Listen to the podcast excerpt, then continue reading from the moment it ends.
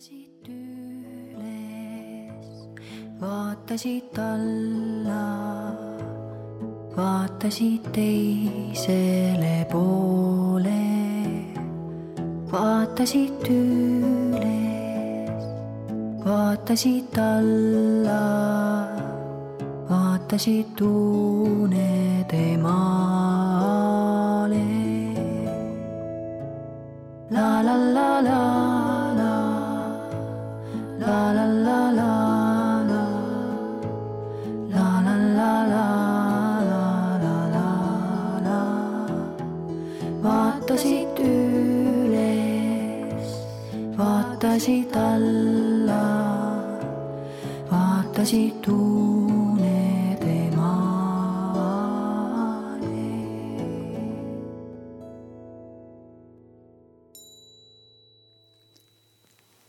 kuule, tere ööd.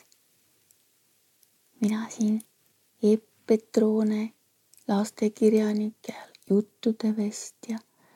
ja minule tuli pähe üks jutt. ma räägin sulle selle siis, kui sa paned silmad kinni. Ja tuled unede maale ja unenägude maale. ja see on üks jutt mille nimi on Kolm jänesepoega. ei ole kolm põrsakest ega kolm karu. see on Türgi muinasjutt. see räägib, nagu sa juba arvata võid, kolmest jänesepojast. Nad elasid koos oma ema ja isaga ühes mõnusas urus maa all. ja nad olid juba päris kaua aega seal elanud, umbes üks kuu. ja siis, kui nad olid juba sellised natukene suuremad jänesepojad, juba ühe kuu vanused, siis kutsus jäneseisa nad kokku koosolekule, ütles. pojakesed, ajage nüüd oma kõrvad kikki, sest see, mis ma teile räägin, on väga tähtis.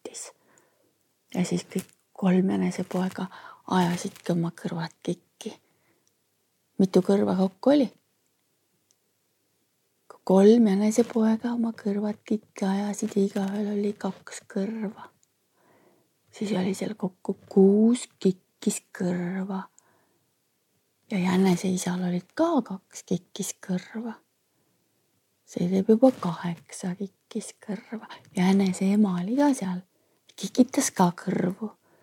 kokku oli seal kümme kikkiskõrva ja siis ütles jäneseisa. vaadake, pojad. Te saate täna ühe kuu vanuseks.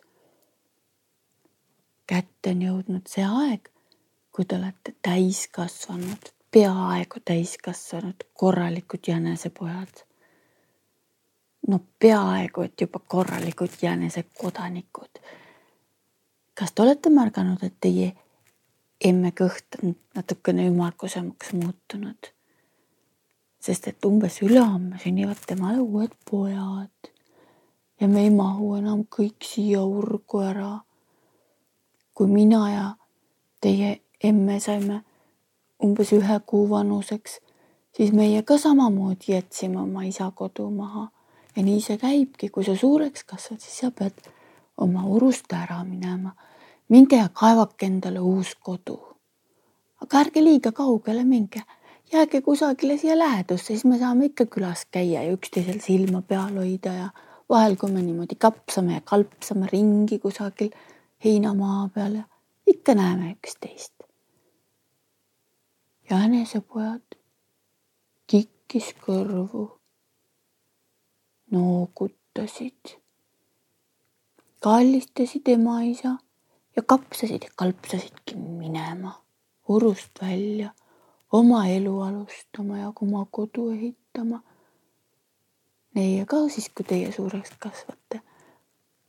kalpsate ja kapsate oma kodust välja, hakkate oma kodu ehitama. eks ole? Ja siis teil ongi mitu võimalust, kuidas ja kuhu oma kodu ehitada. näiteks esimene jänesepoeg mõtles hm,. tegelikult ega see ema-isa urg ei olnudki nii väga hea koht. tegelikult oli üsna pime ja kitsas ja maa all ja tema läks ja kapsas ja kalpsas Aasale keset heina, mõtles ja mõõtis ja kapsas ja kalpsas ja otsustas hoopis siia keset Aasa ehitan mina oma kodu. ta kogus lilli ja tegi ilusa lõhnava õhulise maja. aga mis sa arvad, kes seal hiilis teda?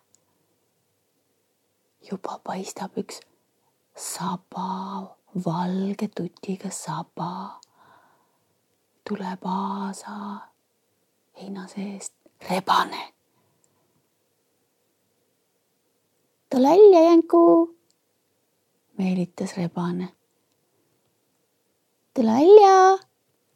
ei tule, ütles Jänes ise oma lõhnava õhulise lillemajakese sees. miks ma välja peaks tulema, ma tean, sa sööd mind ära. Ma ei tule välja, see on minu kodu. rebane vaatas, mõõtis pilguga, muheles, võttis hoogu, asus puhuma ta puhus ja puhus. natuke nügis jalaga ka ja olidki need lilled laiali ja jänku.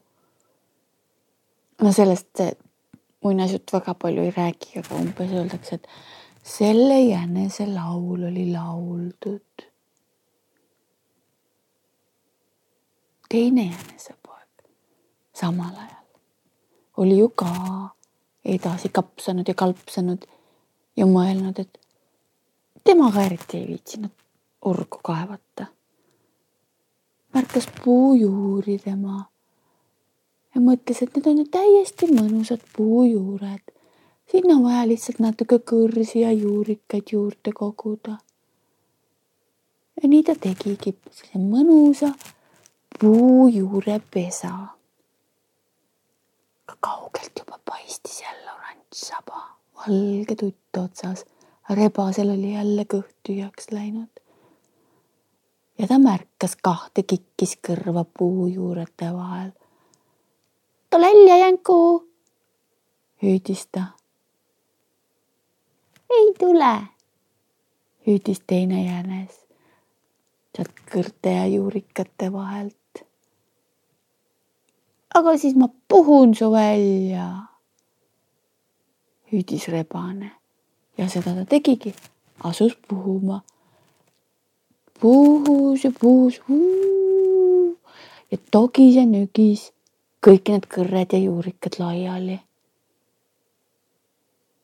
ja oligi selle jänese laul lauldud, krõmps ja kõik. aga õnneks on veel ka kolmas jänesepoeg seal muinasjutus. kolmas jänesepoeg oli kuulnud, mis issi ütles, et jääge kodu lähedale. Ja ta oli mõelnud, et emme ja issi olid elanud urus, kui nad lapsed olid ja siis olid nad omale uru kaevanud ja ju seal ikka mingi mõte sees on, miks neid urgusid kaevatakse ma kaevan samasuguse nagu isa kodus oli, otsustas kolmas jänesepoeg. ainult veel sügavama. ja päevad ja ööd läbi ta kaevaski. kraapis ja kaevas, kaevas ja kraapis. Ja kolmanda päeva õhtuks oligi tal urg valmis. kaugelt paistis rebase saba. rebasel oli jälle kõht tühjaks läinud ta asus luusima kolmanda jänesepoja kodu ümber. ta nägi auku. ahaa, tundis lõhna mm. -hmm. jänes. tule välja, jänes, hüüdis rebane. ei tule, kostus kaugelt uru seest maa alt rebane mõtles, et puhub natuke, puhus ei midagi, proovis, üritas, tügis, nügis. aga niimoodi kraapida, seda ta ei mõistnud, et päris sinna urgu sisse saaks. See jänesepoeg elas maa all kindlas kohas ja rebane ei saanud talle mitte midagi teha. rebane oli nii pettunud, kõht oli tal nii tühi. ta kolis sealtkandist üldse minema. ja varsti said uued jänesepojad suureks. ja siis said uued jänesepojad suureks. Võib-olla meie jänesepoeg leidis ka omale naise ikka leidis. ja siis need nemad pojad. ja siis ka ehitasid nemad urud. ja kõik nad ehitasid, kaevasid oma urud maa alla, sest rebane võib ju tagasi tulla. ja nii saidki jänesed targaks. kas sa juba magad? kas sina kolme põrsakese muinasjuttu tead? vaata, muinasjuttudega ongi nii. et nad on natukene üksteise sugulased, nii nagu väikesed jänesed on üksteise sugulased. nii on muinasjutud üksteise sugulased. kui sina ei tea kolme põrsakese muinasjuttu, siis uuri välja. Aga praegu paneme silmad kinni või jätame silmad kinni. ja mõtleme, mis tunne on elada jänesepojal. mis tunne on olla maa all urus. ma arvan, et seal on täitsa soe mõnus tunne. hea tund. vaatasid üles, vaatasid alla vaatasid teisele poole, vaatasid üles, vaatasid alla, vaatasid unede maale. la la la la la, la la la